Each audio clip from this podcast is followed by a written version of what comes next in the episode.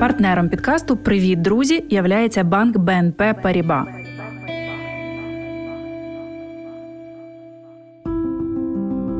Добрий ранок, ми з України. Це привітання. Нині звучить як гасло в багатьох країнах Європи, зокрема і в дружніх польських містах та містечках. Саме сюди приїхало найбільше українців, які тікають від війни. Я Євгенія Мотрич, журналістка і редакторка українського телеканалу. А нині зі своїм семирічним сином вимушена переселенка. На власному досвіді знаю, як не просто опинитися в чужій країні і адаптуватися до нових умов, не потонути в потоці новин з батьківщини і зберегти ментальне здоров'я. Тож відтепер шукаю і перевіряю для вас найголовніше для і про життя тут у Польщі. Сьогодні про безкоштовну консультацію для українських підприємців у Польщі, як і де знайти аналоги українських ліків, що не пропустити, орендуючи житло, і як допомогти дітям пережити вимушену розлуку з татом. Про дію бізнесу у Варшаві у Варшаві відкрився центр Дія бізнес для переселенців. Тимчасово на період війни в Україні там можна отримати консультацію на тему легалізації, працевлаштування чи відкриття власного бізнесу у Польщі. Тут допоможуть розібратися в юридичних тонкощах ведення справ, бухгалтерського обліку, оподаткування, аудиту, підбору кваліфікованих кадрів та будь-яких інших питань, що стосуються ведення підприємницької діяльності на території Польщі.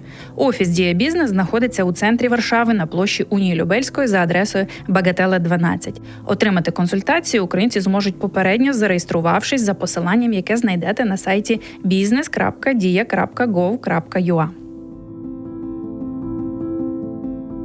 Про рецепти і ліки. В Україні ви на постійній основі приймали специфічні ліки, і вже у Польщі вони у вас закінчуються. Що робити? Варто пам'ятати, що більшість специфічних препаратів у аптеці вам продадуть лише за рецептом, наприклад, гормональні. Для цього потрібно відвідати сімейного лікаря, особливо якщо претендуєте на безкоштовні рецепти чи часткове відшкодування за ліки, або ж отримати рецепт за спрощеною процедурою, скориставшись телемедициною. Це онлайн-консультація лікаря безкоштовна для українців за телефоном 800 137 200 працює у вихідні і цілодобово. Якщо ж хочете знайти аналог українських ліків, зайдіть на сайт Помагами Україні Go.pl. Там знайдете посилання на платформу, де ввівши потрібну назву препарату чи діючу речовину, теж українською або англійською, знайдете аналог потрібних ліків, які є у польських аптеках. Але розробники платформи наголошують, будь-які медпрепарати варто приймати лише після консультації з лікарем.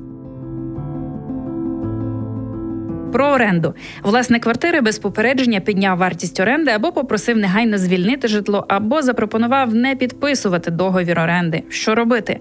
Це найбільш поширені нині питання у спільнотах українців у Польщі.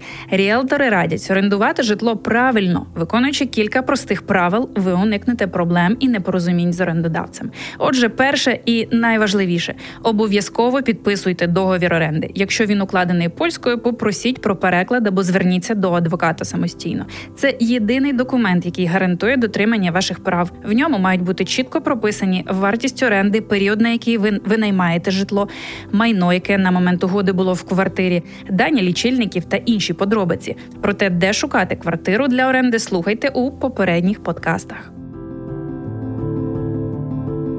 Про розлуку дітей і батьків. Моя улюблена психологиня Світлана Ройз нещодавно написала про наболіле для багатьох українців, які нині вимушено розділені з рідними. Мова про дітей і татусів. Що робити, якщо дитина далеко від батька сумує, але відмовляється від контакту або сильно засмучується під час розмови? Як діяти в такій ситуації? Світлана радить і нам, і самому батькові частіше повторювати: твоєму батьку мені так шкода, що він чи я зараз не з тобою. Якщо б міг кожну хвилину був би поруч. Ти для нас найважливіше в житті. Якщо дитина з мамою в іншому місті чи країні, батько не поруч не тому, що так вирішив і тебе покинув, а тому, що він не може покинути країну. Також дитині важлива, звичайно, якщо тато не в ЗСУ, регулярність контакту з батьком. Саме тоді їй легше дочекатися дзвінка, витримати напругу. Регулярність це про надійний зв'язок. Більше на цю тему на Фейсбук-сторінці Світлани Ройс.